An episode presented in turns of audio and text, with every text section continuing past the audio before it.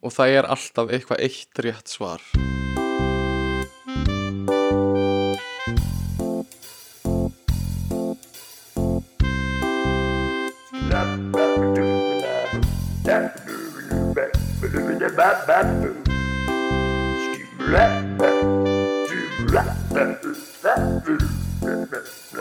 Jú, þið hérna er komin í Velkomin í 28. þátt af ekkert að frétta. Takk. Takk. Uh, mm, Sko, við erum stödd í svona míniseríu núna.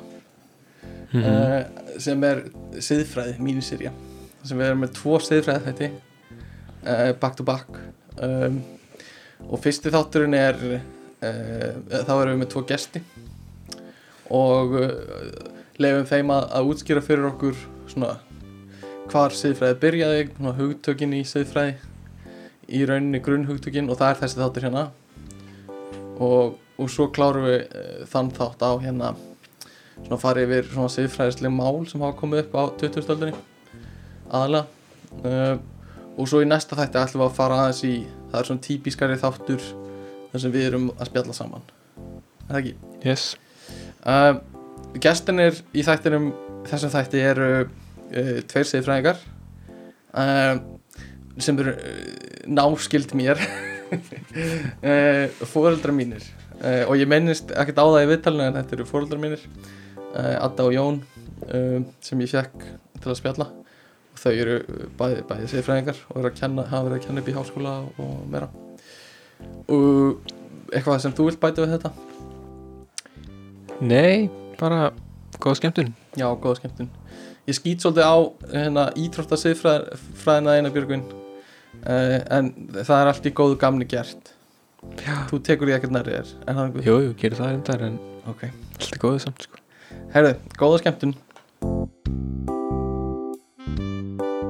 Hér erum við komin með tvo siðfræðinga Í- Jón Ásker Kalmansson og Ástriði Stensdóttir uh, Ástriður þú ert uh, siðfræðingur og læknir og ert kannski svona sérhæðið þig í hérna oft læknisfræði tengdu svona siðfræði álita efni Já, og uh, hérna oft tengdu þroska hérna?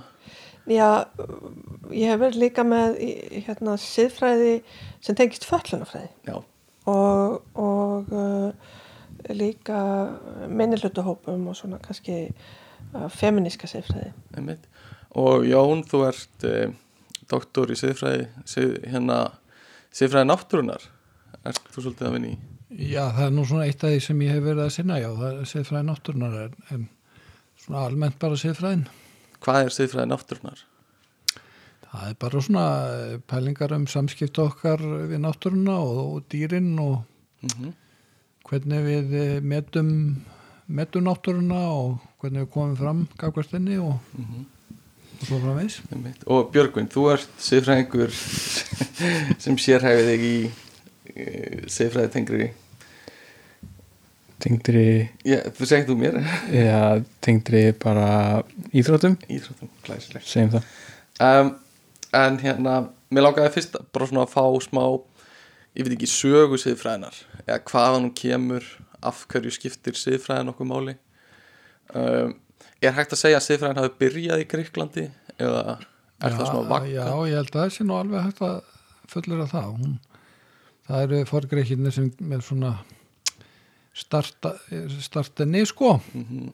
Og það er þessi nöfn Þessi svona Hérna eh, Sókrates, Platón Já, Og eitthvað sko það, það hefur eitthvað gerst þannig í Greiklandi á 50 öld fyrir Krist. Það, það fór bara eitthvað að stað, einhverjar rosalegar pælingar og þeir byrjuðu nú á því að vera mikið að veltaði fyrir sér bara hvernig heiminum væri og hva, hvort það væri svona eitthvað eitthvað frum lögmál í heiminum eða hlutirna væri búnir til úr einhverju ákveðnu sko. Já, þetta er einhverju svona al, alheimsbyggingar Þá.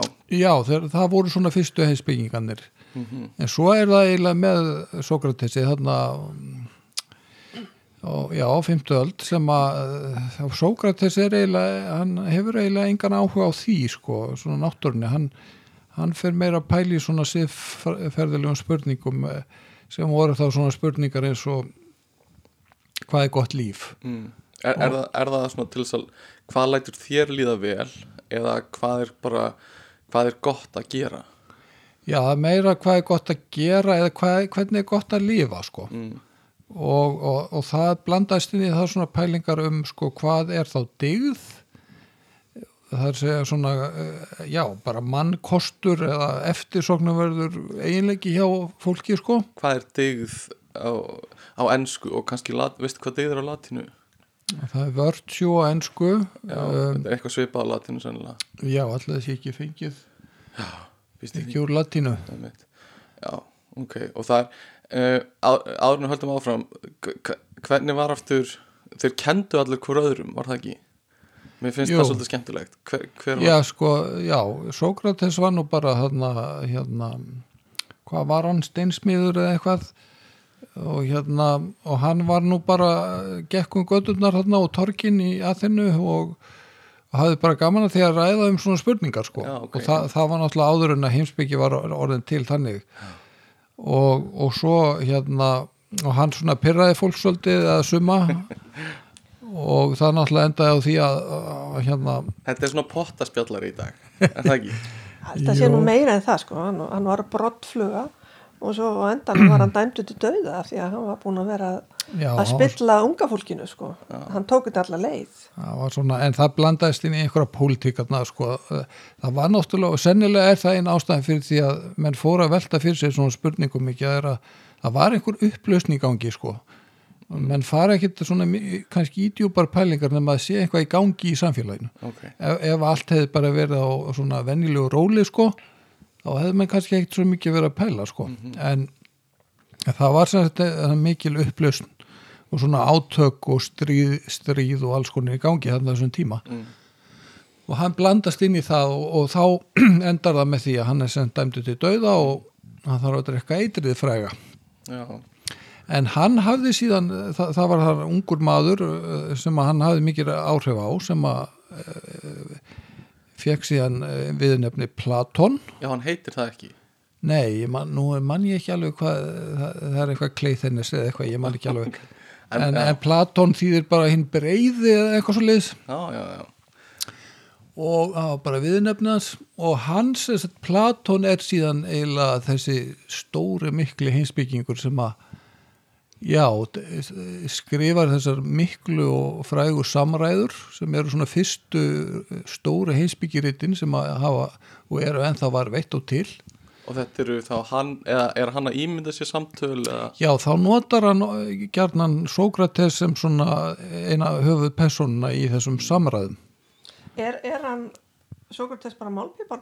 Er það bara málpípan hans? Það er ekki þannig að ég ímyndaði mér alltaf að Platón hefði verið að hlusta á hann.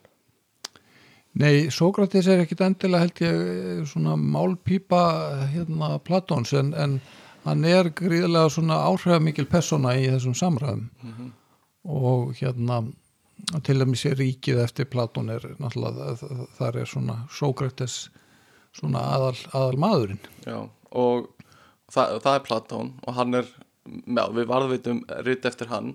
Já, og, og hver lærir af honum? Já, svo er það síðan uh, ungur maður sem kemur þannig frá Norður Greiklandi eh, sem uh, kemur í Akademíuna hans Platons. Platons þess að uh, hérna setur á stofn þessa frægu Akademíu sem, að, sem að, sem að allar Akademíur he heiti höfuðið á síðan. já, já, það má líka þessu við mennskólinni í Reykjavík. Já, Ég sum, sumir kannski vilja menna það en hérna Ekki allir. og það er þessi það er þess að þessi frægi Aristoteles sem Já. að sem er síðan svona, hann er eh, já, sá sem að svona svolítið skipulegur hinsbyggina og, og, og hann er svo fyrsti sem að talar um síðfræði sem sérstaka mm, grein, eh, undirgrein eh, já, hinsbygginar já, þar, þar kemur siðfræðin svona sem grein frá sjónusviði já, og þetta er fyrsta kannski síðfræði rítið, síðfræði Nikomakosvar mm, ok, og, og var það hann sem kennir uh, Alexander Mikla hvernig var það? Já, það er síðan fjórði fjórði hérna liðurinn Já. ok, Ég veit að það er endar ekki vita mikið hvað, uh, hvað hérna Alexander Mikli lærði mikið af Aristoteles en allavega hann var fengið til að kenna honum ungum. ok um, en, en já, eins og þú segir þannig kom siðfræðinu upp hjá Aristoteles sagði það ekki?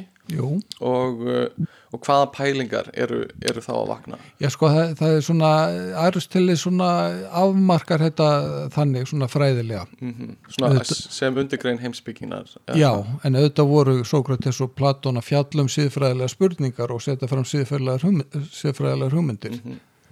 einmitt Þannig að og hva, hvaða hugmyndir eru þá komnar þannig fram og hvernig voru þeir að telja að þú átt að lifa dig, digðar Já, þetta er sem þeir eru bara að veltaði fyrir sér hvað er svona farsælt líf eða hamingja eða hamingsamt líf. Hvað er að lifa vel sem manneskja? Og það tengir svona hugmyndum þeirra um hvað er að vera manneskja höfum við eitthvað eðli? Er eitthvað sem að hendar okkur betur sko, að, að lifa heldur en eitthvað annað? Og þetta eru náttúrulega, þetta eru bara svona spurningar sem er, sem er ekkit endilega hægt að svara. En, en var einhver niðurstaða hjá þessum Já, mönnum? þeim þóttu nú heldur betur að vera hægt að svara þeim því að, þeir hérna voru alltaf að reyna að svara þeim og, hérna, ok, og setja fram hugmyndir og til dæmis Sókrates var með ímsar hugmyndir um þetta til dæmis er fræg þessi hum, hérna, þetta sem hann sagði að ekkert gæti granda góðu manni og að það væri verra að fremja ódæði heldur en að verða fyrir ódæði og svona þetta er svona hugmyndur um það eh, hvernig er eh, gott að lifa sko. það, maður, það er ekki gott til að vera að fremja mikið að glæpum sko. Þa, þá er maður ekki að bara fyrir þá sál er maður ekki Já. farsæl, farsæl sem manneskja sko. Ok. Svo er náttúrulega bara þetta, þessi hugmynd um heilbreiða sál í hraustum líkama, þessi agathós hugmynd, þetta kemur frá Gríkjánum líka, er það ekki? Já, maður- að rækta líka mann já, og sálina, sko, mm, mm og það er eitthvað til sem heitir heilbreið sál og sjúk sál, sko, en, en að, að uh, og, og kannski ger ekki einn sterkan greinamun á líkam og sál eins og kemur setna. -hmm. Þetta svona hangir saman Ma, og, er fallegt og er gott og er reynd og Mhm. það tvinnast náttúrulega kannski saman einhvern veginn öll vísindin á þessum tíma en ég ímynda mér að læknisfræðin gæti hafa tengst inn í þetta þá líka bara þeirra læknisfræði en það er kannski önnur saga. Já, það er, það er, ég hugsa það og það er svona einhver heildar hugsun hann sko, Mhm. einhvern jafnvægi maður þarf einhvern veginn að hafa jafnvægi í sálinni og jafnvægi í líkamannu vantalega líka. Já, maður getur einhvern veginn ímynda sér það allavega. Mm. en uh, þe- þeir eru með þessar pælingar til að lifa góðu lífi og hérna er, er það svona það sem siðfræðin er? Er það hvernig lifi ég góðu lífi? Eða er einhver betri skilgrinning á á siðfræði? Er það bara hvernig ég á að hegða mér? Eða, eða það er kannski engin góð ein lýsing á siðfræði? Nei, síðfræði er náttúrulega margt en, en svona sennilega algengasta leiðin til að lýsinni er bara að lýsa þeim spurningu sem hún tekst á við sko og þá er náttúrulega ein megin spurningin hvað er gott líf? Eða hvernig lífi á ég að lifa? Eða eitthvað slíkt. Og þetta tengist því að ég, ég spurði aðeins áðan held ég þetta tengist því að, að þér líði vel eða hvað? Eða, Nei, já e, e, e, jú sko velíðan eða ánægi getur náttúrulega tengist þessu en það er kannski ekki það sem að þeir þrýr allavega megin áslá sko. Þeir voru ekki á því að hamingjan væri velíðan nei, en, en eru þeir eitthvað að hugsa sko að vera eigingja er það að koma sér illa fyrir mig á endanum? Eins og að, að fremja eitthvað slæmt eða gera eitthvað slæmt að það lætur mér eða kemur sér von, illa fyrir mig? Já, í svona mjög víðum skilningi sko, ef þú til og með ferða út á glæpabrautina þá ertu á einhvern nátt að já, að svíkja sjálfa þig eða gera sjálfum þér ílt þó, þó þú sért náttúrulega líka að gera öðrum ílt sko. þannig að það, þetta er það er alveg rétt sko þetta eru svona, þeir hafa mjög víða hugmyndum hvað eigin hagsmunir manns eru. Mm, mm. ok, og hérna uh, þetta er í aðþennu eða hvað, eða bara á Gríklandi Já, að þennan, jú.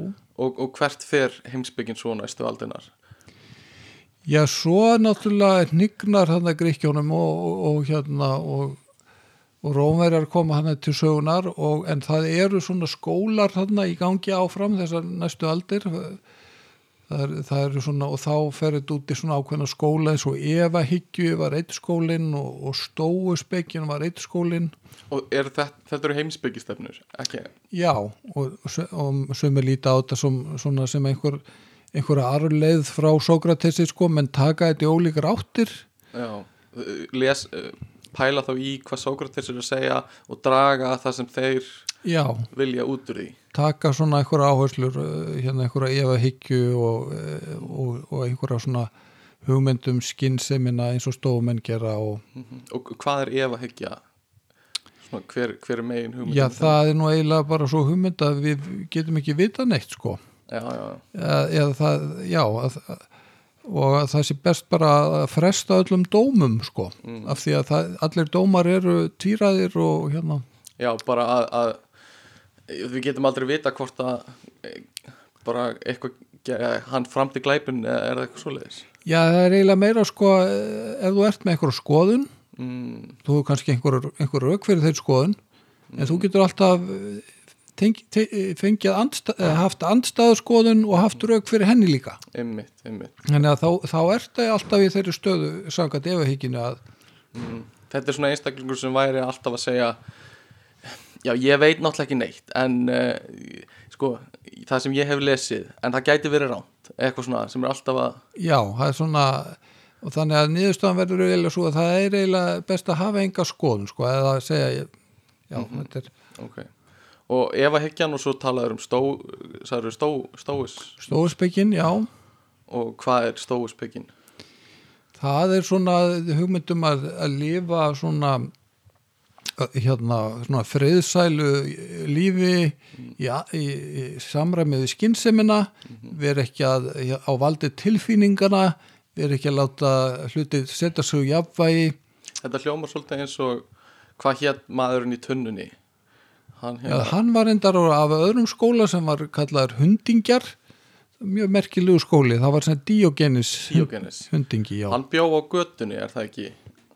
Já, það er svolítið skemmtileg pæling því að þeir voru allir í því að reyna að einfalda lífið eins mikið og hægt væri. Mm það er já, minimalíski Já, og það er til og með einn sagan af Diogenes í að hann sá eitthvað uh, bara hund drekka úr, úr uh, læk og þá henda hann sko málinu sínu.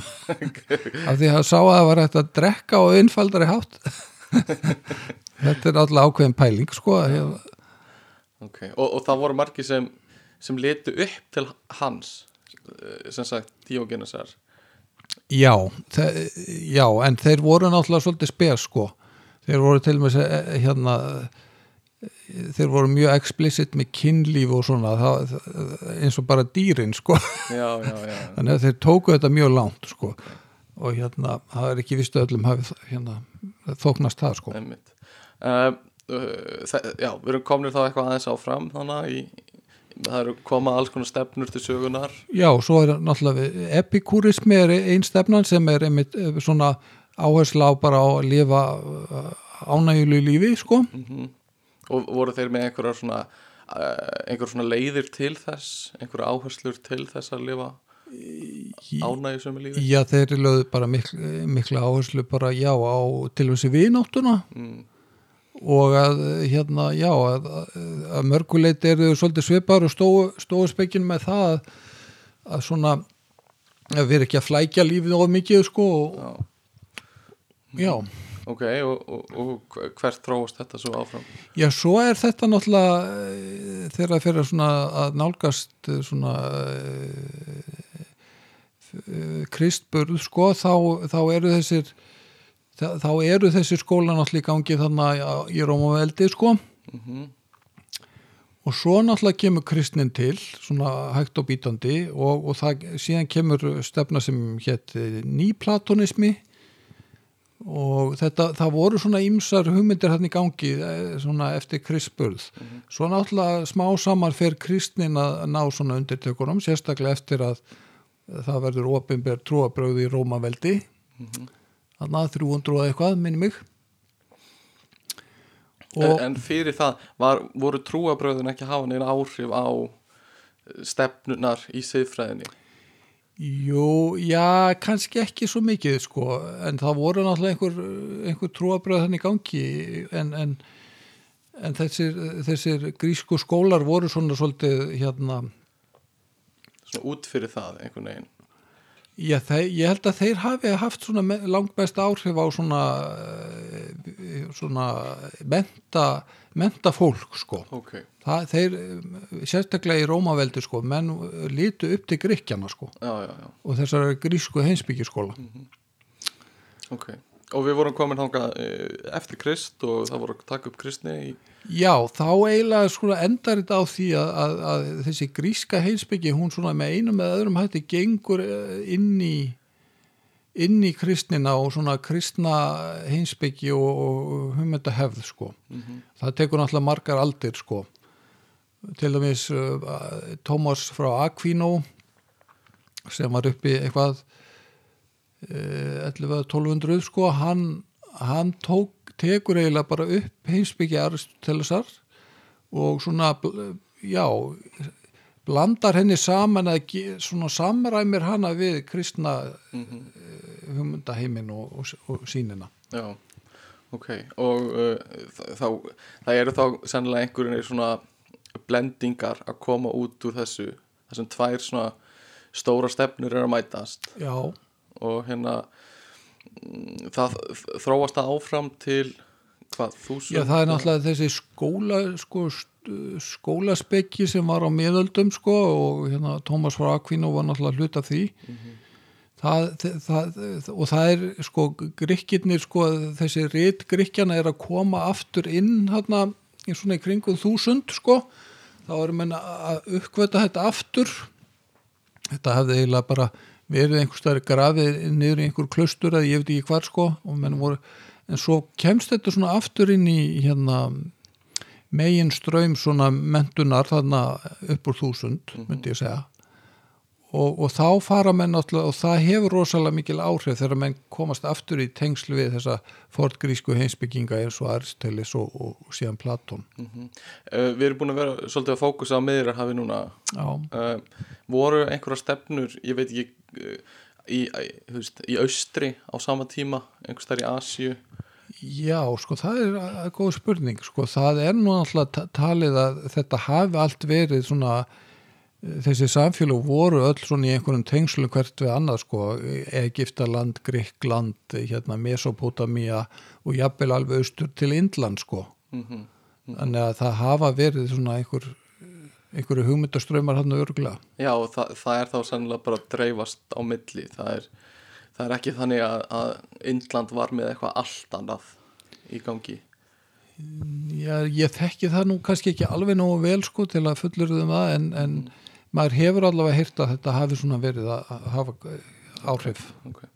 um, við erum komin kannski cirka þúsund kannski eitthvað aðeins meira Já, og uh, er eitthvað sem gerist þangað til að endurreisnin fyrir að uh, láta þessu já, ég þetta er bara náttúrulega mjög merkileg hugmynda stef, eh, hugmynda hefð þessi, stó, eh, þessi skólaspekki og og hérna það, það eru merkilegir hinsbyggingar eins og til dæmis Tómas frá Aquino og, og hérna það má kannski svona til einföldun að segja að, að það sem til dæmis krí, eh, kristna síðfræðin kemur með er eh, hún svona bætir við til dæmis digðum það voru til þessar fjórar klassísku digðir sko og, og, og svo kemur hverjar voru að Já, það var hérna uh, hugrekki og hófsemi og, og svona réttlæti Mhm. og, hver, og svo var það viskan já, ok og svo kemur eiginlega þar bætist við kri- kristnu digðurnar, hérna trú vona kærleikur. já, trúvon og kærleikur eru kristni degðinar Já, þannig að þetta er svona uh, þetta, og, og, og þetta er svona Er ekki líka af því það kemur inn á mína séfræði, sko, það kemur þarna með kristninni, það er þessi hugmynd um að, að, að vera góðu við fátæka, sko, og líka þessi, þessi jaðarsettu einstaklingar í samfélaginu, þeir fá svolítið uppreist æru, þeir sem eru þrælar og ekki fallegir og, og allt það sko, það, það kemur það með, alveg mjög mikilvæg punktur sko, og að það kemur með kristninni inn Kristur er náttúrulega með þetta það sem ég gerir mínum minnstu bræðrum, það gerir þið mér. Já, og það er hugsun sem að er eiginlega ekki í hjá greikjónum sko. það er ekkert í gríkjánu, sko, Þeir- þetta, kemur bara með, þetta kemur bara með kristninni. þeir eru ekkert að pæli þessum hana, lítilmagnanum og því sko. þrælarnir hafa ekki sko who cares, hverjum er ekki saman þá? En sko, svo kemur allt í einu þetta viðþorf sem er bara mjög byltingakent sko. Einmitt, og það, já, já. Og mikilvægt í sérfræðin Já, já, það er náttúrulega mó- lítar alla okkar afstöðu vonandi von- að hérna að, að hérna, það, það eru all, það skipta allir máli hvar í þjóðfélagstegana sem þeir eru og svona. Mhm. og þa- já, þetta kemur með kristninni já, og uh, er þá að malla þannig áfram eitthvað? Og hérna já.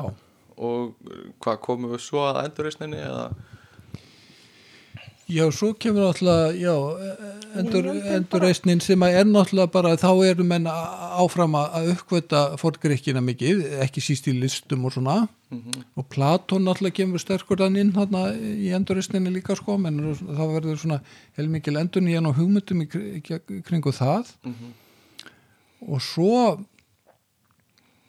svo, já, og svo kemur það sem að kalla nýjöldin sko, sem að er svona er ekki talað um að hún byrja þannig 1492 þegar Amerika finnst Mhm.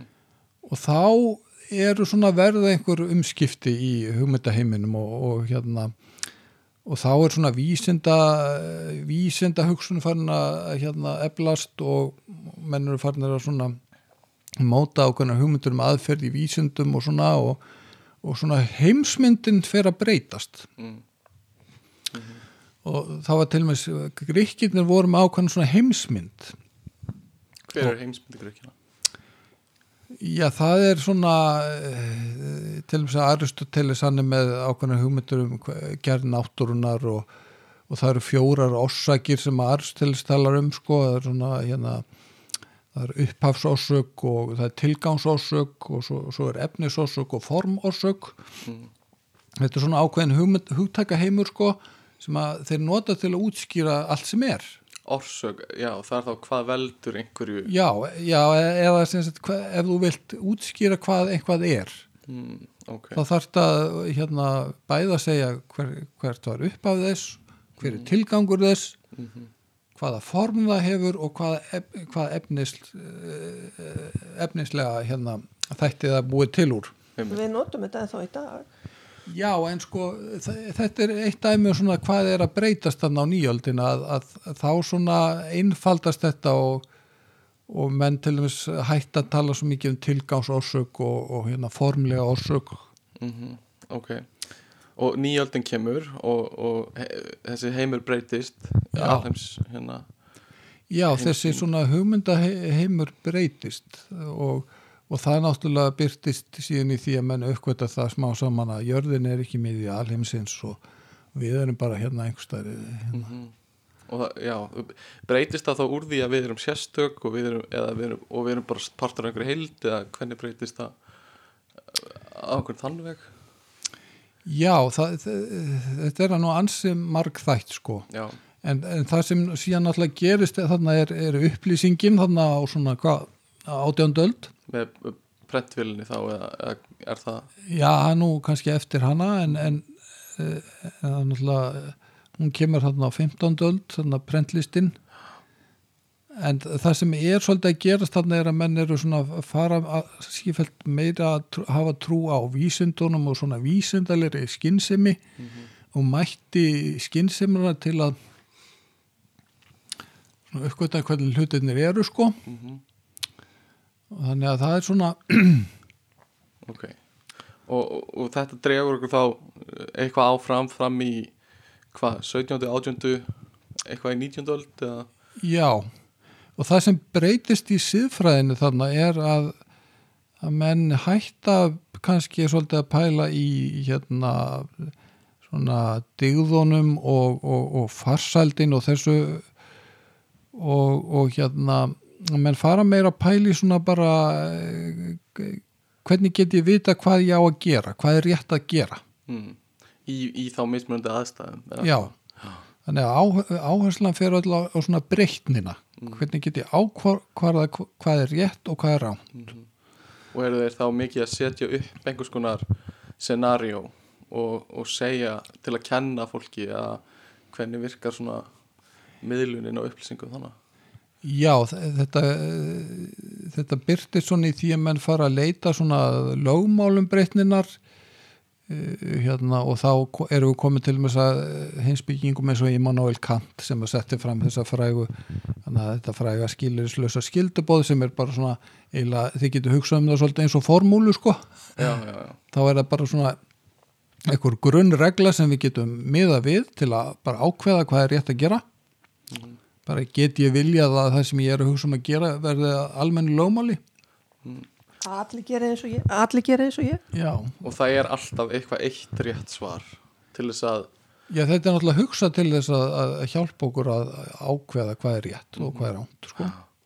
og uh, í þessum hugmyndum þá, þá á ég bara að geta að hegða mér á einhvern einn hátt og, og lifað bara sem bestu lífi. Ef ég veit, ef ég get alltaf tekið rétta ákvörðun þá er ég að fara að lifa sem bestu lífi. Já þá ertu allavega að lifa svona í samræmi við skynsemiðina mm og þetta gera það sem skynsemiðin segir að er rétt að gera. Ef, ef við tökum kanta á þetta þá þá ertu já að lifa í, eftir skynsemiðin og þú ert að gera það sem skildaðin segir þér að gera. Og Kant var í, í netjastefnunni, er það ekki? Nei, það er síðan eh, svona stefna sem kemur þar eiginlega í kjölfarið á kant eh, það er svona uppásmaður hannar er oft talin vera Jeremy Bentham sem að var svona á setni hluta 18. aldar fyrir hluta 19. aldar Mm og hann kemur hann kemur með þessa kenningu sem að síðan er kallast nýtjastefna eða utilitarianni sem á, á ennsku og hver er svona grunn hugmyndin í henni? Já, það er svona það er eiginlega náttúrulega bara að, að tilgangur alls sem við gerum er að, að bara ánægjan eða hamingjan og það er svona hann hefur gríðarlega trú á því að við getum bara eiginlega fundið það út í hverju tilviki hvað muni leiða til mestrar ánægju. Og, og hérna þannig að og, og þetta er svona já þetta er eiginlega alveg ný nálgun sko.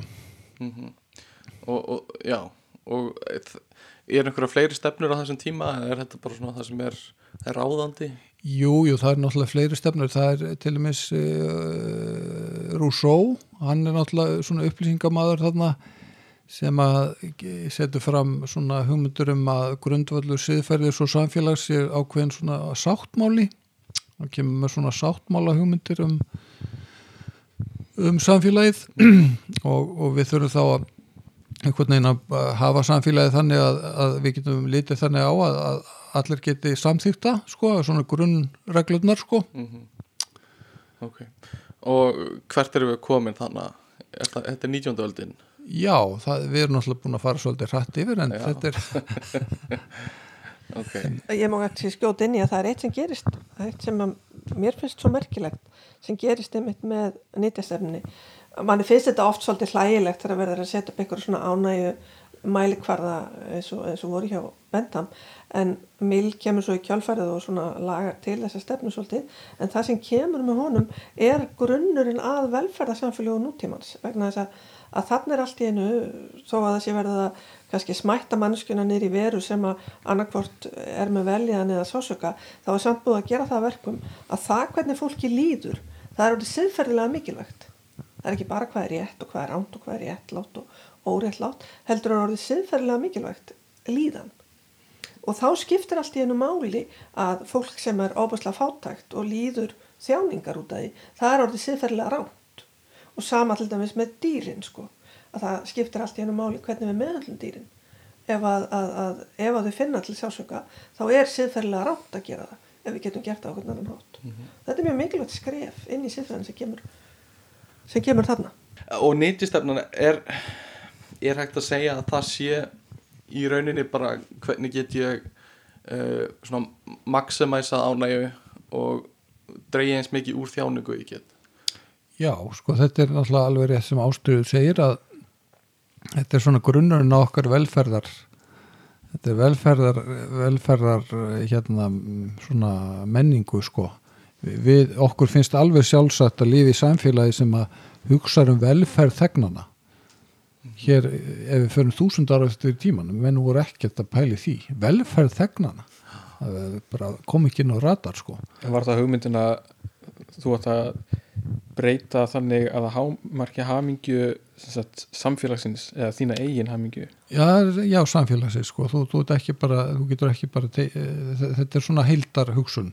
það er, það er mjög fræg ég, ég veit ekki, mynd eða mím á netinu sem er sko það er strákur sem kemur að hjólinu sínu stólnu að og fyrst er hann hérna ég var mjög leiður þegar ég sá að hjólinu mínu var stólið. Og svo hérna er hann að hugsa eitthvað svona um, en það hefur sennilega glatt ræningjan meira en það gerði mig leiðan.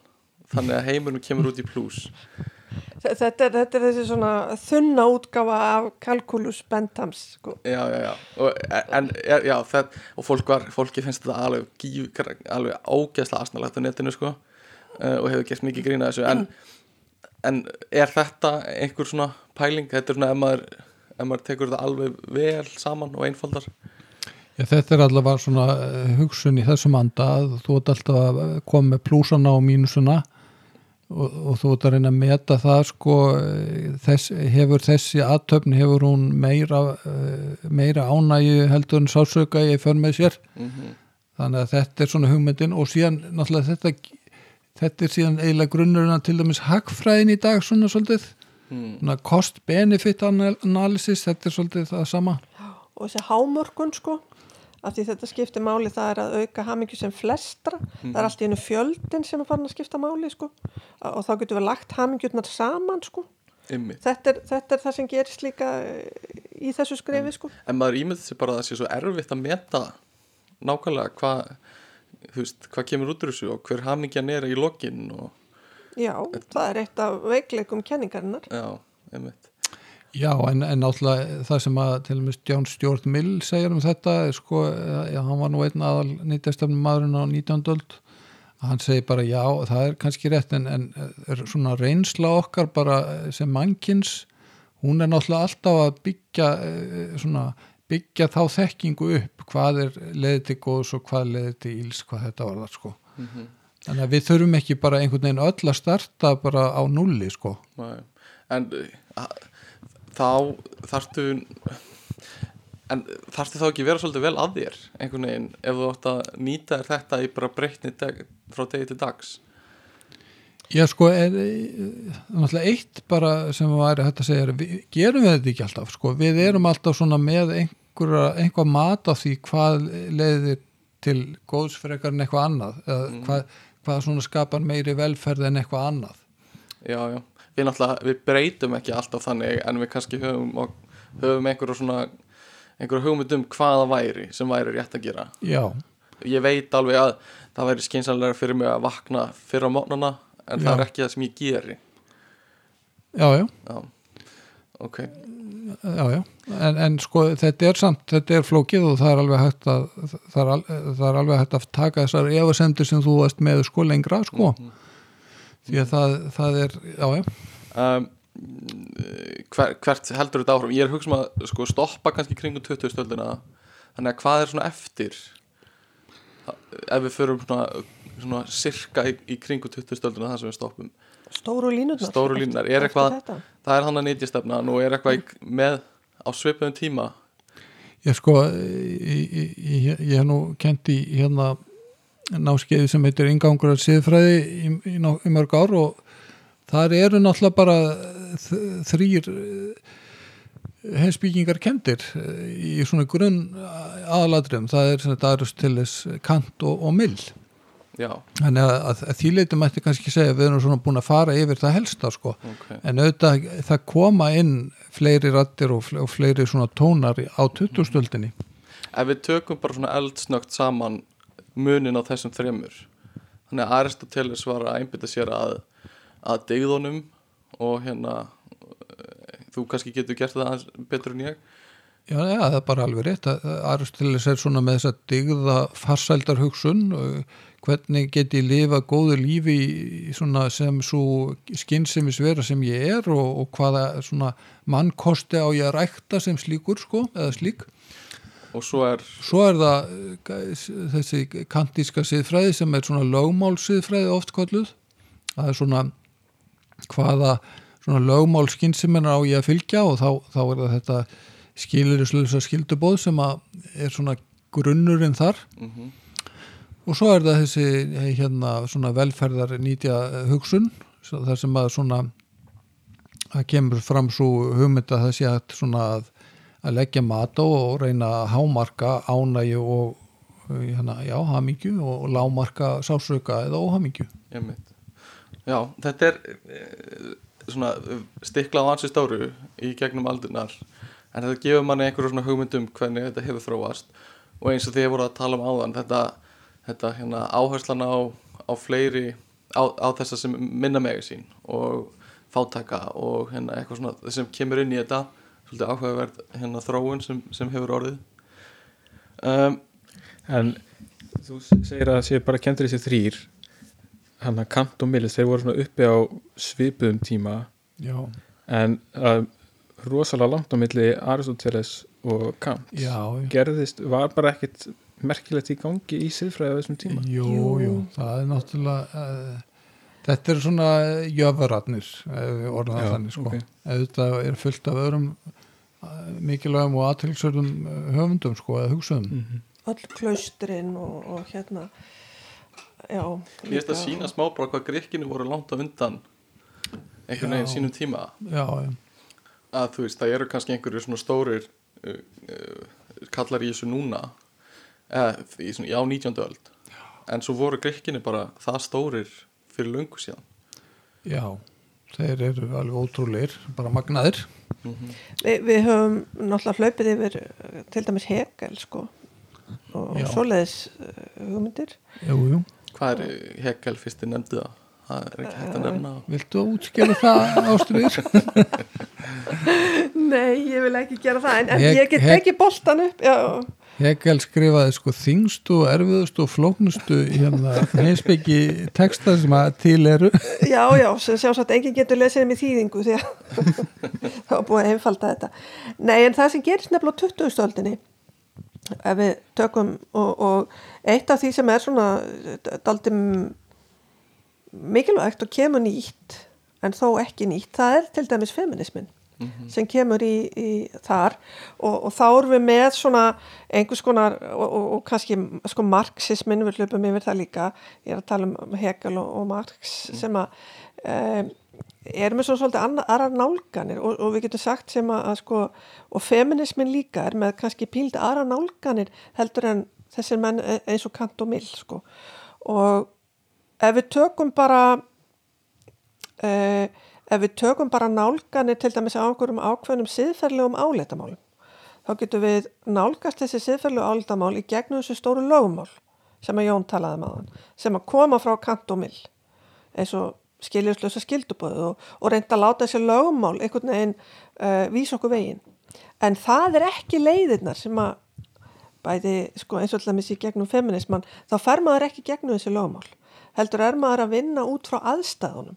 Maður tekur uh, sko, aðstæðunar og keisin og raðar þeim saman og vinnur svona neðan frá og upp í staðin fyrir ofan frá og niður það er kannski svona stóri munurinn það er svolítið aðferðafræðilega ólík nálgun sko. Já, þetta er sko þessar dygðar pælingar og svona um, mér finnst þær svolítið hljóma eins og það sé að fókusa á sko einstaklingin hvernig get ég hægða mér eða eitthvað slags já, en svo koma upp þessi álitamál siðferðislega álitamál sem er miklu meira en bara hvernig á ég að hægða mér. Þú veist það meira bara hvernig á samfélagið að hægða sér og eitthvað svona hver, veist, það er svona applied svona hagnýta siðfræðin já. finnst mér oft ekki tækla endilega einstaklings hvernig á einstaklingurinn að hægða sér Jú, hún gerir það líka.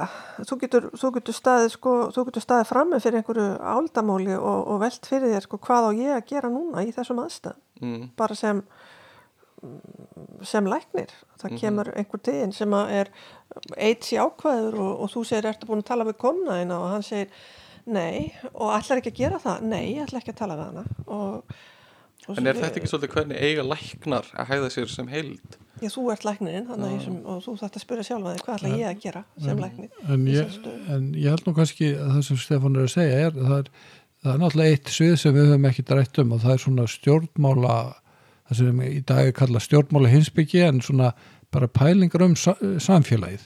Og hvernig eigum við að hafa samfélagið, hvernig eigum við að stjórna því hvaða reglur eiga að gilda og, og, og svona hvað er gott samfélag og það er eh, sko Aristoteles, hann skrifaði sér, sérstaka bók um það til dæmis og, og hann svona leita á og stjórnmála heimspekina og siðfræðina sem svona sýstur greina sko. þú þarft að hafa þetta kortvekja þannig að ég held að það sé alveg rétt hjá þér að það er svona já, það er ekki bara þetta tala um ein- einstaklingin og hans stíður og mm hafingju heldur þú þarft að Einmitt. tala um það í samfélagi já. já, já. Um, uh, en það eru þessi uh, þessi siðfræði mál og kannski síðustu hundra ár sem hafa verið svona fólk þekkir kannski eitthvað um, að því mér finnst gott að við erum búin að- fara yfir siðfræðina svona í ákveðinu sögulegu skilningi og svo langaði með þess að tala um svona siðfræðislegu málin og hérna uh, og fá kannski tala við þig hérna uh, um það ástriður. Um, stór, einhver, einhver mál sem við erum Já. að glíma við í dag uh, og það er náttúrulega svona fræg erfið mál eru náttúrulega uh, bara frá bandaríkjanum eins og, eins og uh, hvernig er komið fram við svarta og, og svo náttúrulega bara þrælanir um, sem voru hana á, á, á, á 19. öld eða eitthvað slags já, uh, og svo náttúrulega bara svona hvernig er komið fram við uh, samkynæða og alls konar fólk þar uh, þetta er náttúrulega mikil mannréttinda baróta þarna og, og uh, það, það er svona hérna ákveðnir hópar sem hafa verið að, að berjast fyrir því að eiga eiga rödd og eiga aðild að samfélaginu Mhm. Og er þetta, þetta, veist, þetta kemur alveg vel inn á siðfræðina, þessi svona baróta minnirhlutahópana. Já, já, algjörlega. Þa, það er bara að, að, hérna, að fá aðild að ríki siðferðisins, þess að við fórum að tala um. Ég meina, það, það hefur í Greiklandi, hva, hvað var það? Það voru kallmenn sem að áttu eignir, sem að uh, voru einhvers virði. Það bara að hafa þetta manngildi, sko.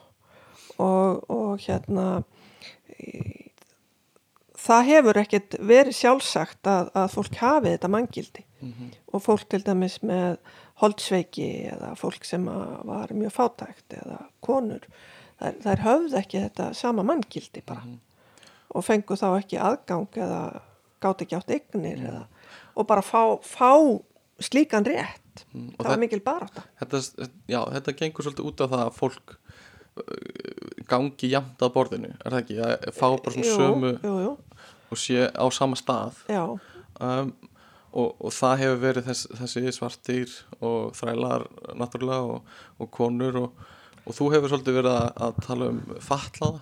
já, falla um, það, það er eh, einn hópur sem að, hefur kannski heldur ekki fengið aðild að, að þessum að borðinu. Við getum bara tekið sér næmi. Uh, og við sjáum þetta svolítið endur speglast í mannréttindasáttmálum við fáum okkar fyrsta mannréttindasáttmál 1948 og þar eiga allir menn að vera jafnir. En svo þarf alltaf að setja viðbótasáttmála það þarf að setja barnasáttmálan þá, þá er sagt, já, jú, allir menn eru jafnir og líka börn og svo þarf að bæta við samningi samnu þjóðan um réttindi fallasfólks æ, já, býtu, við glemdu því. Það er hérna, allir menn eru jafnir, það er líka börn og líka fallafólk, við glemdu því skiljið, og svo kemur alltaf svona einn og einn sáttmáli viðbót, það er flóttafólk réttindi kvenna líka og alls konar svona sáttmála sem koma til viðbótar sem segja okkur sko hvað þetta er erfitt. Og við tekið bara, ef við tökum fallafólk sem dæmi Akkur segi, akkur þarf hennar sérstakka samning? Jú, það þarf hennar sérstakka samning vegna þess að okkur hefur ekki þótt sjálfsagt til dæmis að það gangi hjónaband. Okkur hefur ekki þótt sjálfsagt að það stopni fjölskyldu. Okkur hefur ekki þótt sjálfsagt að það megi eiga börn. Okkur hefur til dæmis ekki þótt sjálfsagt að það megi mentast. Það er ekki mátt fara í skóla. Við tökum til dæmis bæði, um, það hefur verið mikil réttinda bara hjá döf, sagt heyrnalusum eða takmálstalandi fólki. Tökum bara hérna fólk með þróskahömlun til dæmis það hefur ekki fengið aðganga mentun uh, bara núna nýverið það var mikil barátt að komast inn í uh, grunnskólina, mikil barátt að komast inn í mentaskólina og núna stendur baráttunum að komast inn í háskólina og það er erfitt fyrir okkur að hugsa þessa hugsun. Fyrir döf.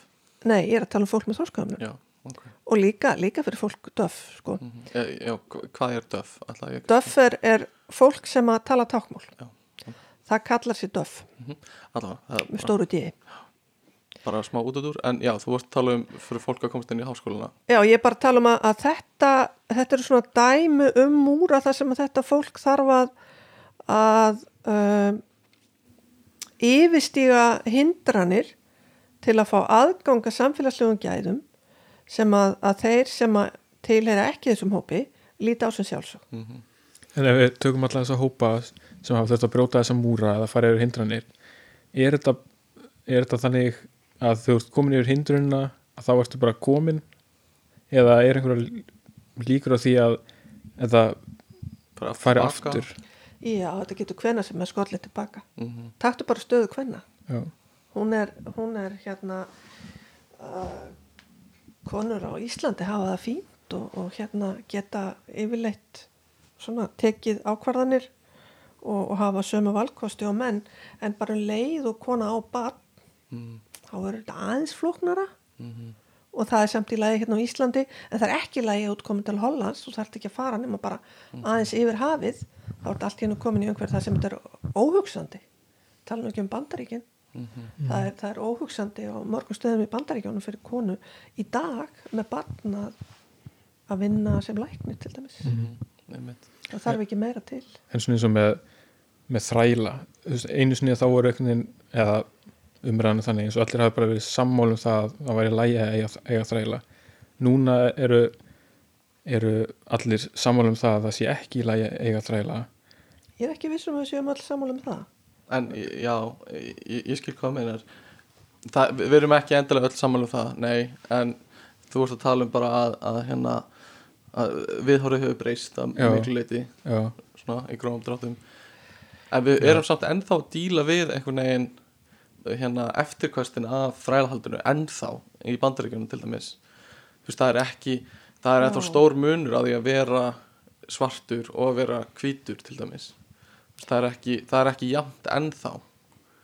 Nei, en sko mannsal og þrælahald er stórt vandamál í heiminum í dag. Mhm. það er enda rétt já, og uh, bara er jafnvel á Íslandi sko. Þannig að, að þetta er og það er einhvern veginn það er ansi erfitt að uppræta þetta. En, en við samt höfum náttúrulega lög á móti þessu og, og okkur finnst þetta rám já, Mhm. okkar ég, menning er, er þannig og okkur finnst þetta rám já, ég held að það sé það sem Björgun hafi Já, það já, já. Það, það er alveg, alveg rétt sko. En mann finnst einhvern veginn óhugsandi að að við snúum tilbaka úr þessu en samt einhvern veginn þess manneskjan sem, sem lífverða hefur ekkert breyst. Nei. Ég, þetta er rosalega viðkvæmt sko, ég held þetta sé viðkvæmt strik. Ég, ég held að það sé auðvelt að fara tilbaka. Mm Mhm. og þetta tilbaka. Ég, ég held við þurfum að vera ofsalega vakandi til þess að það gerist ekki sko. já, einmitt. -hmm.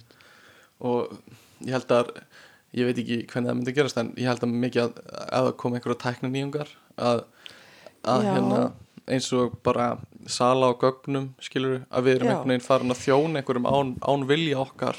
Sko, við getum tekið bara af því þú varst að tala um að við myndum tala um einhver svona siðferðlega áldamál tökum bara staðgöngumæðurinn Við vorum að, að, þetta er bara svona dæmi sem að, að við höfum verið að velta fyrir okkur í íslensku samfélagi síðustu tíu ár. já, Er þetta eitthvað sem við eigum að leifa, eigum við ekki að leifa það? hvað, hvað er staðgöngumæður Um, Stakangumæðurinn er þegar að, að kona gengur með batt fyrir aðra konu. Mhm. Og, og þá fær eh, hitt parið eða hinn konan eða mennirnir eða hverju sem það er þetta bann og það getur verið uh, egg sem að konan er frá konan sjálfri eða það getur verið gjafa egg það, Ok. getur, getur verið allir mögulegu gangur á því. Mhm. og það er hægt að borga fyrir þetta eða þá ekki borga fyrir þetta. Það er líka svona opið. En þarna bara, bara þetta sem við erum að kljást við og erum að velta fyrir okkur í dag hvernig að vinna með uh, strax það sem gerist bara það er að, að fátækar konur ganga með börn fyrir ríkar konur Mm. litaðar konur ganga með börn fyrir hvítar konur Mm. þetta er bara eitthvað svona puff og það þarf að setja alls konar regluverk og, og alls konar girðingar til þess að hindra þetta að, að þetta verði ekki eitthvað það sem er verið að, að nýta sér fólk sem er í verið stöðu Mhm. þannig að eins og ég segi það, þannig bara dæmum einhverja nýja tækni sem kemur og strax ef ekkert er gert þá er þetta ríkt fólk sem að notar fátækt fólk til þess að, að gera þetta saman með líffæri gefna líka Já. líffærin er, það er ofsalega mikið svartamarkaður með, með líffæri og það er fátækt fólk sem gefur líffæri eða, eða sem sagt, það, það er tekin líffæri úr fátækt fólki það fær eitthvað smá prís fyrir þetta. Og, og kannski eitthvað sem við í, mötum aldrei samþykja já, okkur heimi. finnst þetta siðferðilega ránt ég held að, held að við getum alveg sagt það. Og ég Það- meina bara peningunum sem það fær er kannski 20 skall eða Já, það er eitthvað, eitthvað alveg sko, en, en þarna er, er komið svona enn ein leið til þess að nota eimd fólksins sko. Mhm. það er að segja og, og, og það, það sem er sko þarna er alltaf einu komið valkostur óbóðlegur valkostur sem að fólk þarf að taka Mhm. það sem er gengið ennþá nærði heldur en var hægt að gera að nota líkama þeirra og selja líffærið þeirra til þess að koma þeim út úr hungri og, og vandamálum verður allt í einu þessi valkostur þeirra og, og hann, hann er í rauninu óbóðlegur Já. og við þurfum, eins og ég segi, við þurfum, við þurfum alltaf að vera á varbergi gagvart öllum þessum mannréttindamálum og bara við dettum alltaf inn í þetta aftur. Já, þetta er náttúrulega uh, þetta er stór stórt vandamál í, í staðgöngumæðurinn þetta til dæmis og svo eru fleiri vandamál tengt staðgöngumæðurinn líka. Já, það, þetta getur orðið svolítið flókið við vorum að tala um þetta áðan sko að það sem gerist með Louise Brown þarna 1978 þá er í fyrsta skipti sem fæðist barn sem er, er getið uh, utan líkamanns mm og þá byrjar svona ákveðin bylting. Þetta er Já, sem að, að, að þannig er búið að aðgreina þetta er rauninni, Louisa Brown er bara frábær og það er bara frábært að það sé hægt að taka. Þá bara tekið egg frá konunni og sæði frá mannum og þetta er fólk í hjónabandi og svo hjálpaði með eiga batn og svo eigaði batn og svona sjálfs er engin siðferðilega aldamál þarna, þetta er bara fínt að geta gert þetta Mhm. og allt gott með það. En það sem gerðist þarna samt er að þarna verður þessi bylting að það er hægt að gera batn utan líkamanns Mhm. og þá erum við allt í hennu komið með það að við getum nota hvaða sæði sem er. Og núna getum við nota hvaða egg sem er. Þannig að við getum notað sko og það er verðmunur á hvítum eggjum og svörtum eggjum og, og lituðum eggjum sko. Og, og, og sama með sæði sko. Það, við getum verið með tvo homma í Ísrael. Ísraelnir eru, eru hérna, þeir eru framalegi í staðgangumæðurum tveir ísraelskir hommar þeir eru kannski með egg frá Spáni og, sæði frá Danmörku. Danmörku. Mm.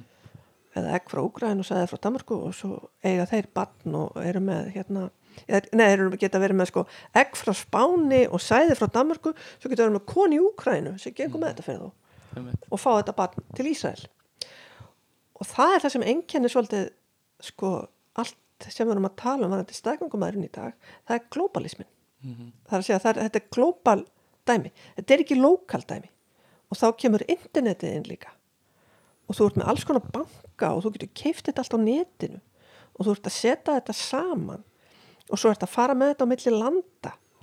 Og, og, og þetta er og þá, þá vakna þess að siðferðilegu spurningar líka sko hver er faðirinn og hver er móðirinn og hvað merkja þessi orð? Mhm. hvað merkja þessi hugtök? Já, hvað, hvaða ábyrð og skildur fylgja þeim? Mhm. konur eru búinar í árhundruði að berjast fyrir því að kallmenn beri ábyrð á sæðunni hjá sér og, og, og vinni með það á ábyrð en núna allt í einu þá vilja þær fá það og þeir vilja hafa engin tengslan á milli sko. þannig að við þurfum að vera við þurfum allt í einu að stokka upp allar þessar hugmyndir. Og það kom, hafa komið upp dæmi þar sem par leitar að barni eða fær einhvern til að ganga með barn og svo hættir það saman á meðan á meðgöngu stendur einhverju svona Já, það, það, var, það var mjög aðtilsvert mál, þetta var dómsmál í bandaríkjónum með mitt, að þá var, þá var sem sagt par sem að vill eignast barn. Og það fær, og konan hún getur ekki gefið egg sko. Þannig þau fengu þurft að fá sæði og egg annar staða frá og fengu staðgangumóður sem gekk með barnið. Svo fættist barnið og þá voru þau skilin og vildi ekki það með þetta barn að gera. Þannig að þarna fættist barn sem átti enga foreldra. Og það, það er, fólk er ofta að segja en er ekki til ákveðin réttur? Ef ekki rétt á því að eiga batn og það, það er ekki svoleiðis réttur. Einasti rétturinn sem er til það er réttur bast til að eiga foreldra. Þannig að við höfum skildur til að að, að veita batni foreldra sko. það, ef það er einhver réttind og skildur inn í þessu dæmi þá er það bara þannig sem það liggur. En þarna fættist allt í einu batn sem átti enga foreldra. Og þetta fer í gegnum dómskerfið og, og þetta fór þannig í undirrétti minni mig að, að batni var foreldralust og það, það bara gekk ekki sko. Þannig að þetta fór í hæstarétt. Og þeir sem að sko það má veltaði fyrir sér sko er það konan sem fæðir sem er móðurinn er það konan sem á ekkið sem er móðurinn er það maðurinn sem á sæðið sem er fæðirinn eða er það upphæflega parið sem á þetta? Og hæstaréttadómurum fór þannig að það var fólki sem að planaði í byrjun. Það hefur enga genetíska aðkoma að þessu. En, en þau sett upp þessi plön. Það var þessi intention sko. Þessi áætlan sem að, að skapaði þeim fóröldaskildur Já. þannig að þau voru skildu til þess að taka þetta barn. Ég maður hefði haldið að áður en alltaf ferli fór á stað að, að hérna, þau hefði skrifað undir einhvern samning þar sem að þessi atrið hefði verið útkljáð bara Já, það er, það er mikið talað um það sko að, að það sé mikið atriði og það er það sem er reynd að gera að hafa einhverjum svona samninga. En sko hvers konar samningar er þetta? Er þetta lagalega uh, eigum við þá þetta með viðskiptasamningum? Mm það, það, það er eiginlega ekki alveg nóg sniðut þetta, þetta er frekar talað um að þetta eigi að falla undir fjölskyldurétt heldur en viðskiptarétt sko. Og, og, og svo, hann er einhvern veginn öðruvísi heldur en þessi viðskiptasamningar sko. því að svo kemur það líka fyrir að kona sem að, að gengur með barnið og fæðir það, hún vill ekki láta það af hendi. Og hún er kannski búin að undirrita eitthvað samning og, og í sömum löndum þá, sko í Ísrael þá held ég hún þeir eru rosalega fastir á að, að ekkið er móðurinn og sæðið er fæðirinn sko. En flest önnur lönd þau, þau tengja uh, við móður og móður er alltaf svo sem fæðir. Já, og hún á alltaf rétt fyrstu tværi vikurnar, eins og í Breitlandi til dæmis. Þannig að staðgöngumóður á eitthvað, einhvern rétt. Já, í, í Breitlandi þá er það þannig að hún getur sem sagt, hætt við á fyrstu tveim vikunum. Okay. eftir, að, eftir að fæðist. Eftir að barni fæðist. þó það sé ekki hennar egg Ég held það jafnvel sko. Ok. Og ef að sá maður sem er giftur henni, Mm. hann er faðir samkvæmt lögum. Giftur staðgöngumóðurinni Já, ok, paterest og, og materest sko. ok Bara ef þú, ef að þú ert Mhm. í hjónabandi með konu og hún er að einhver börn, þá ert þú automatist pappið þessara barna.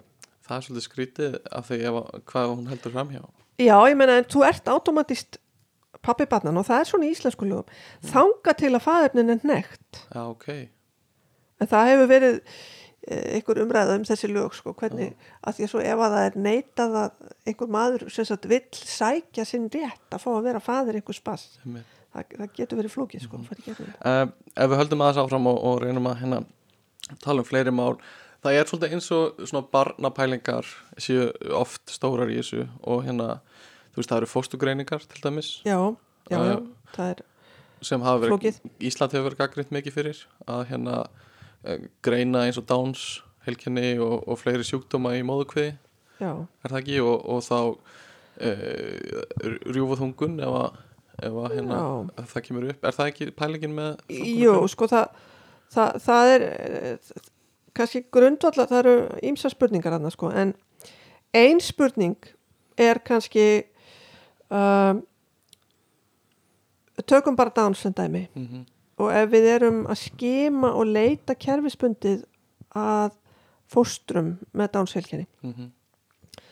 þá hefur, hefur komið svona uh, mótmæli frá fólki með dánsfélginni og aðstandendur fólks með dánsfélginni þar sem að þau halda því fram að þessa, þessi kerfisbundna leit hún grafi undan manngildi fólks með dánsfélginni sem gerir það einhverju liti erfiðar að koma að borðinu á jöfnum uh, á jöfningagrundið eins og við vorum að tala um áðan Já, sko það er bara verið að segja þessi tegunda lífi Mhm. er ekki þessi verið að lifa. Mm og við skulum fækka svona lífum. Og uh, þess vegna sko segja þau sko, við, þau, þau segja við viljum ekki að sé einhver svona kerfisbundir leit til þess að útrýma fólki eins og okkur. Það er bara árás á okkur. Mhm, og, og þetta er alveg, þetta er alveg sjónamið sko. mhm, svo eru aðrir sem segja þetta er bara tómvilsi þú ert hérna fyrir að mig og, og þú ert lifandi ég myndi aldrei fara að gera neitt við þig. Ég er bara að tala um þetta fóstur og það kemur þér ekkert við. Mhm. og þá, þá segja það móti það bara ekki rétt hjá þér. Þú, þú þekkir ekkert þetta fóstur. Eina sem þú veist um þetta fóstur er að það með Downs. Þú veist ekkert hvort það er áhuga mannski um bíla eða hvort það er með hjartagallið ekki. Þú veist ekkert nema að það er með Downs. Það er bara eins og ég er. Já, mitt uh, Þetta eru uh, svo, þetta er, Já, þetta eru stóru pælingar og veist, við þurfum að halda áfram að reyna að halda smá tempói en hérna, svo eru svona hlutir eins og CRISPR sem eru genasplæsingar sem getur verið hérna sem eru kannski ekki, Já. það er ekki orðið siðferðslegt vandamál núna en það er svona áhugaverðar svona hug, hugsana leikur, einhver að pæli þeim. Það er samt orðið siðferðislega vandamál. Það var, það hefur verið fætt barn sem að, Aha. það sem í CRISPR var að nota, já í Kína. Í Kína og kynverðanir er að gera alls konar hluti. og CRISPR, CRISPR er uh, tækni sem getur verið nótið til að uh, á mjög einfaldan hátt breyta genum eftir þinni list. Þú veist, og það er hægt að ímynda sér að það er hægt að breyta genunum sem snúað auglit þannig að þú fæðir barn sem er með blá augu í staðan fyrir brún og, og hérna þú getur breytt, góður hluturinn er kannski að þú getur tekið út einhverja genagalla og hérna, ef þú ert með einhvern sjúkdóm þú getur Já, lækna Þa, það, það, er, það er og ég held að það sé svona flestir sem að ég held að sé engi beint sem er að mótmæla því sko. Að það, það er kannski bara sniðugt sko. Og, og Duchenne og sem er sem er sem sagt uh, vöða rýrnuna sjúkdómur hjá Mhm. strákum og svona. Þetta, þetta er allt bara mjög fínt sko. Og þetta, sko líka það ég veit ekki góða, en það er svona það sem er svolítið áhugavert í CRISPR, CRISPR er að þú veist, þetta er ekki bara að lækna þig, heldur þetta er að breyta genunum þínum, þannig að þínar kynnslóðir eftir þig Já. eru líka breytar já, alla, alla, alla leið sko. En sko það, það sem að það verður alltaf svolítið, það sem er erfitt við þetta er að það verður alltaf grá lína Mhm. sko í- hvar, hvar endar sko það sem er sjúklegt Mhm. og byrjar það sem er það sem við kallum svona human enhancement eða, Mhm. eða að búa til ofurmannskjuna sko Já, þú veist, er, er það, við getum tekið bara hæð sem dæmi, Mhm. einhver yfir einhver ákveðina hæð eða undir einhver ákveðina hæð er dvergvöxtur og svo framvegis að eiga, eiga því Mhm. við getum ímyndað okkur að, að við gætum það væri eitthvað alkohólgen sko einmitt eiga að taka það út mm og já, já. Um, og svo ef við tökum allt svona út mm þá fáum við eitthvað svona rasa sko sem að er svona sem er búið að reynsa, eitthvað reynsaðan rasa. Mhm. svo getum við verið með eitthvað svona villirasa það sem að allir eru með þessum göllum. Sem að, það sem að, að, að er fullt af fólki sem að er ekki eins og það milli gæsalabba eins og það á að vera. Mhm. við erum með alkoholistana og við erum með feita fólkið og stóra fólkið og við erum með þá sem eru með Downs heilkenni og alls konar fólk hana og svo erum við með gáða fólki kannski og, Já, og svo er, svo er með gáfaða fólkið og, og hérna hinn megin eru villisa fólkið. En sko það, þeir sem hafa gaggrínt þetta að við förum og, og, og þessar svona human enhancement pælingar Mhm. sko þeir hafa sagt við, við erum ekki bara að búa til einstaklinga við erum að búa til samfélag já. Og nú skulum við bara ímynda okkur samfélag Mhm. þar sem að allir eru fallegir og allir eru gáfaðir Mhm. um, og allir eru rosalega klárir hvers konar samfélag er það? Mhm. og er það hér góða samfélag? og hinbóin ef við ímyndum okkur samfélag það sem er uh, veikt fólk með þróskahömlun alls konar fólk er það verra samfélag? og ef maður tekur þetta svona þá verður þetta svolítið öðruvísi vegna þess að það er mjög oft þannig að ef að einhver einstaklingur er ekki fullkominn þá gerir hann fólki í kringu þessi betra. Hann hefur, hann, það, það sko, þetta er svo merkilegt. Hann kallar fram oft það besta í fólki. En ef að maður er með einhvernum sem er opaslega fallegur og opaslega klár þá er maður oft bara öfundsjúkur. Og maður er bara leiðlur og, og bara grimmur þannig að já. þetta kallar upp aðra tilfinningar sko. þetta er bara í öllum Disney myndum er, er einn hérna svona comic relief sem er heimskur og ófyllkominn og hann gerir myndina alltaf miklu betri já og allir verða góðir Já. og allir fara að hlæja Já, og, en Einmitt. sko stundum stundum er þetta bara tilfelli sko. uh, höldum áfram hérna, er kannski annar þáttur í þessu sem er kannski svipaðu með staðgöngumæðrunina er að ef að þessar genabreitingar eru dýrt ferli að þá hlýtur að hlýtur að lenda í sama vandamáli með að ríkt fólk hefur efni á, á genabreitingum en ekki þa- þetta hefur, talað mikið um þetta og líka í sambandi við hérna, það sem er kallað personalized medicine það er ert að ferða út í svona að persónu gera læknisfræðina sem er, getur verið mjög áhugavert og, og þannig að þú, þú ert með genafókusin á fólki og getur farið að, að svona tailor sníða uh, lækningar að einstaklingum sko. Og það getur verið mjög svona fascinerandi sko að geta gert það. En á móti kemur að það er svona ákveðin hugmyndum jöfnus og svo leiðis sem er ógnað eh, þegar við förum út, út í þessa leið sko. Mm. fyrsta flokks og annars flokks já, meðferðir og, og svo framvegs um, sko, svo eru svona stór mál eins og uh, vottar sem vilja ekki fá blóð hérna, gjafa blóð það, það er það er klassík spurning. Það er klassisk spurning, hvað átt að gera ef hvað átt með að gera ef að, ef að, ef að manneskja neytar uh, lífsbjargandi meðferð? Já, og þetta er svona já, já, hvað gerur þú? Uh, ég held að bara stuttasvarið með vottana, það er í rauninni það að, að og heilbíðiskerfi það, það virðir þetta almennt. Ef, ef að mannskja er votti og vill ekki þykja meðferð þá, þá hérna er það virt. En spurningin verður svo er hún hæf til þess að taka ákvörðun? Og við þurfum þá að, að fókusera á það og meta það. Og ef hún er full, fullorinn manneskja með, með uh, ekkert svona andlegt aðinni og hún getur tekið ákvarðanir fyrir sér sjálf eins og við flest gerum þá er það bara virt. En, en þetta verður flóknara með börn. Já og líka ef hún er kannski ólétt eða komin marg já, já, á, á fóstrið eða, eða ófæta barnið Mhm. í móðukviði á það eitthvað rétt, við erum kannski með konu sem er í fæðingu eða eitthvað svo leis já, einmitt um, já, já, það, það getur bara verið bísnaflókið að, að meta það, hvort að það hafi sérstakann rétt. Svo eru fleiri svona mm, erfið mál sem hafa komið upp eins og þú varst að tala um Catherine Ann Queen. Queenland, já ég Queenland. nefndi það. Þú varst að spyrja um einhver svona fræg uh, tilvik á, á síðustu öld og uh, Catherine Ann Queenland er, er frægt tilvik. Það er, það er ung kona sem að hafi drukkið hún í valjum eða eitthvað svolítið, hún, hún sem sagt hún uh, uh, missi meðutund og, og er heiladauð sko. Og fóreldrarnir vildu taka, voru að berjast fyrir því að fá að taka öndunarviln úr sambandi. Og spítalinn neitaði. Mm. og, og það var svona mm, þetta, þetta er svona case sem að markaði svolítið þáttaskil í réttinum til að deyja sko. Mhm. og ég held að þau hafa nú unnið það það mál á endanum sko. Mhm. og hún var tekin úr sambandi á, endanum. Þannig að þetta voru svona og, og stórt vand, uh, mál líka er þá bara hérna uh, hvað heitir það, líknar dr- dráp eða hvað? Er já við erum nú að fara út í þá umræðu hérna á Íslandi.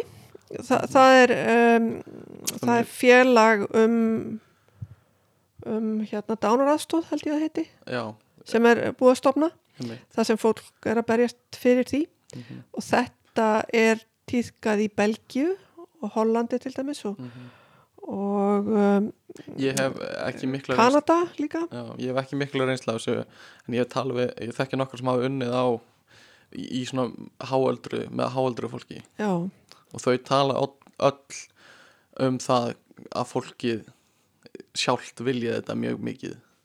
Já, og hérna og uh, þú veist og, og þau eru öll með einhvern veginn. Ég, já sko þetta hvernig við umgöngum stöðan eru þetta stórt mál og, og tengist mjög mikið menningun okkar sko Mhm. líka.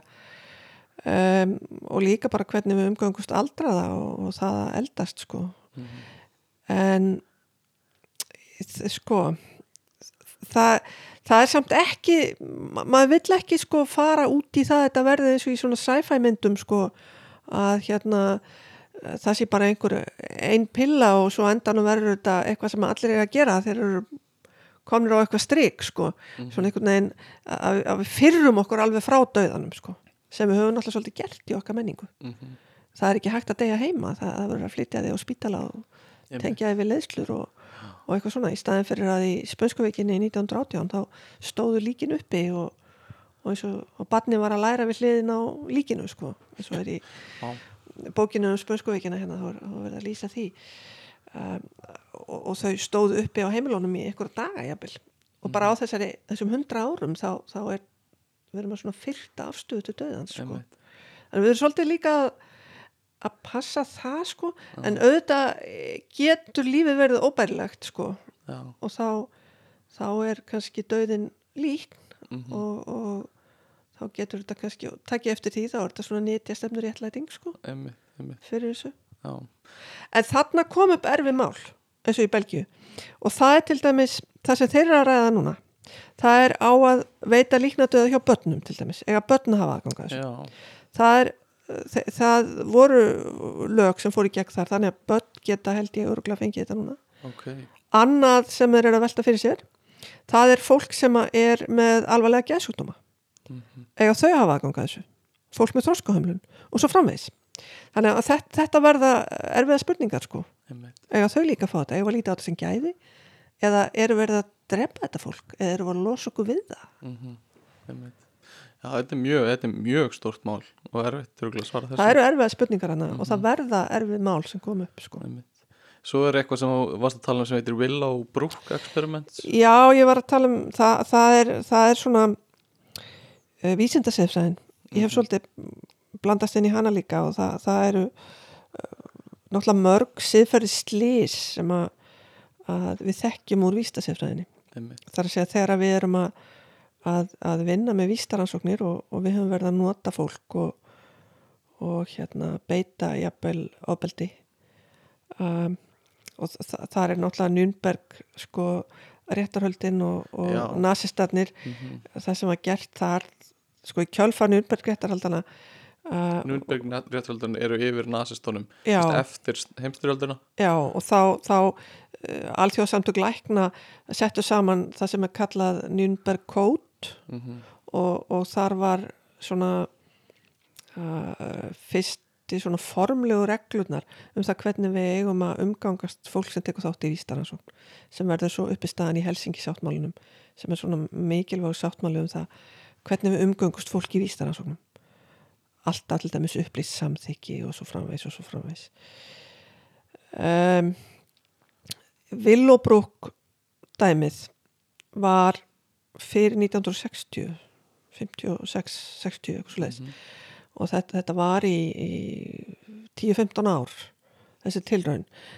Uh, og, og hún gekk út á það ég held ég sé með þessi ástöld rétt en þetta er sagt stopnun fyrir þroska, börn með þroskaumlun og það var verið að, að finna bóluefni við lífrabólgu B. Og það var sagt við foreldrana sem að höfðu enga aðra möguleika heldur en að setja barnið á svo stopnun að ef þú ætlaði að setja barnið á svo stopnun þá er það að fá leifi til þess að smita barnið af leirabólgu B og þau tæki þá þátt í þessari tilraun og þau myndu fá þetta bóluefni og það væri miklu betra að smita barnið í einhverjum kontrolleruðum aðstæðum heldur en ekki. Og þarna sjáum við sko að þarna eru þroskahömlu börn.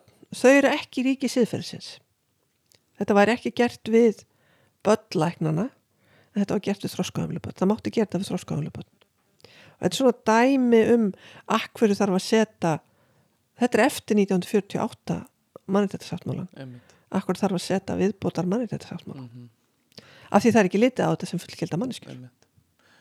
Uh, vísindamenn hafa náttúrulega oft farið svolítið svona fram úr sér siðferðislega í sínum rannsóknum og það eru svona frægar uh, rannsóknir eins og Stanford Prison Experiment sem snýrist út af það að, uh, að, tveir hópar af nefendum sem voru bara auglist eftir á, á háskólasvæðinu uh, voru settir í kjallaran yfir helgi eða viku eða eitthvað svo leis og annar hópurinn var, var fangaverðir og hinn hópurinn átti að vera fangar. Og hérna og svo áttu við bara að sjá hvernig svona stjættar samfélagi þróaðist einan veggina. Og það þurfti að, að, að þurfti að slökkva þessari rannsókn bara eftir nokkra daga af því, því fangaverðinir voru bara farnir að bara mist þyrma föngunum bara með líkamlega og andlega. Um, en, en, það, en þetta er bara sér viðfangsefni úti fyrir sig þessi rannsókn og ég hef heyrt hérna að sko mikil gaggrina á hana á ekki endilega rétt á sér þó að rannsókn hafi verið svolítið fáránlegt til að byrja með en hún hefur verið mjög gaggrind á, á eh, smá bröðfótum hérna í gegnum tíðina en hérna uh, að hún hafi ekki verið alveg eins slæm og hún er látið lítið út fyrir að vera Mhm. en hérna samt sem áður bara e, þetta hérna þessi skilda vísindamanna til að upplýsa þáttakendur um hvað þeir eru að fara að gera í hverju þeir eru að fara að taka þátt. Og við vorum aðeins að tala um þetta áður en við byrjum að taka upp en það er svona stundum þarftu að hafa grunlausa þáttakendur Já, og, og þá erum við að tala um kannski eitthvað eins og milgram rannsóknin líka sem, a, sem að er rannsók það sem að þetta er nú sálfræðin þetta er nú sálfræðin sem er að gera þetta sko. Helvíti sálfræði ég sagði það ekki, ég sagði bara sálfræðin. En, en hérna sko þar, þar voru þáttakendur sem að voru látnir halda að þeir væri að gefa öðrum rafstuð. Já, og í hinu herbygginu var fólk sem að veinaði undan rafstuðinu. Þykjast fór afstuð þykjast var rafstuð. Og, og síðan sko var einhver í hvítum slopp sem sagði já, geða honum aðeins meira og aðeins meira. Mhm. Og, og fólki hjælt að það væri verið að mæla rafstuðin í rauninu var verið að mæla hlýðinni eða eitthvað svo var ekki, ég, ég man ekki nákvæmlega en var þetta ekki þannig að fólki sem var að þykjast var að gera einhverja, ég man ekki hvað það var það var að framkvæma einhverja gjörð, lesa texta eða svara spurningum Já. og ef þeir svöruðu vittlaust eða lásu textan vittlaust eða eitthvað svo leis þá átti þáttakandinn að gefa rafstuði Jú, já, það, var- það var sett upp einhvern veginn þannig. ef að þeim mistókst sem sagt, þessi sem voru þykjast leikurunum sem þau gerðu viljandi þau mistókst viljandi þá átti þáttakandinn að gefa rafstuð og hækka alltaf já, og svo heyrðu þau alltaf eitthvað já, í hinu herbygginu já og, og það, það sem gerist eftir á sko er Mhm. að, að fólki sem gaf þetta rafstuð það fær áfall þegar það horfist í augu við sjálfan sig. Að, að, að þú geti farið upp í sko einhverja ægilegar tölur varandi rafstuð Sem sem, er ofbeldi, ofbeldi sko. Já, já. bara ná- nánast upp í döðlega mm döðlega skamt sko. Og það hugsa bara af, af hverju sagði ég ekki nei? Já, af hverju stoppaði ég ekki? Og, og- þá var og- þetta authority fyrir ofan og, og, það var í rauninni það sem tilraunin gekk út á.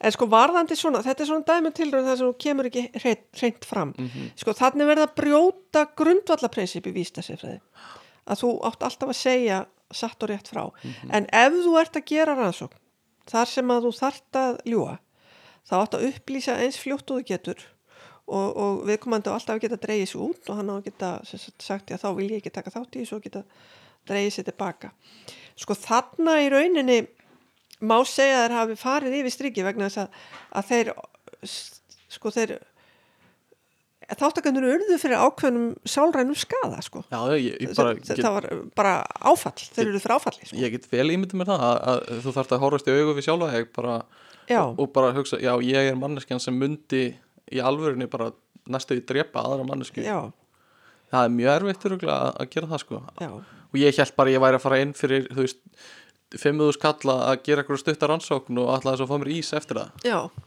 Og þannig að hérna e- en sko mér finnst svona rannsóknir þar sem þú kemur ekki hreint fram við þáttakununa alltaf mjög ég, ég, ég hef miklar setjaði mikla gæðsjalappir já, en, en þetta er, þetta er viðkjent samt. Þetta er viðkjent að gera svona rannsóknum en, en það, það eru mjög stránga reglur mhm. hvernig maður umgengst þetta.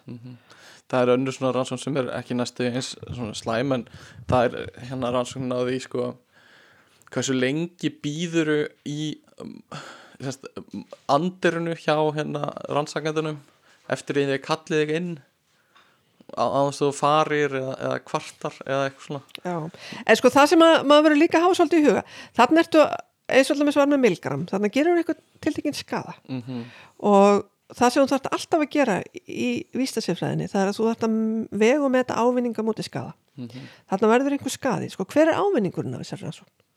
Hva, hvað, hver er ávinningurinn af því að vita þetta einmitt, og, einmitt. og, og þú verður að sko að raukstiðja það.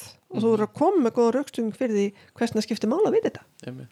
og ef að, og til þess að, að vera me, það þarf að vera meiri ávinningur en skadi Já, og það er mat sem þú þarft alltaf að gera. Einmitt.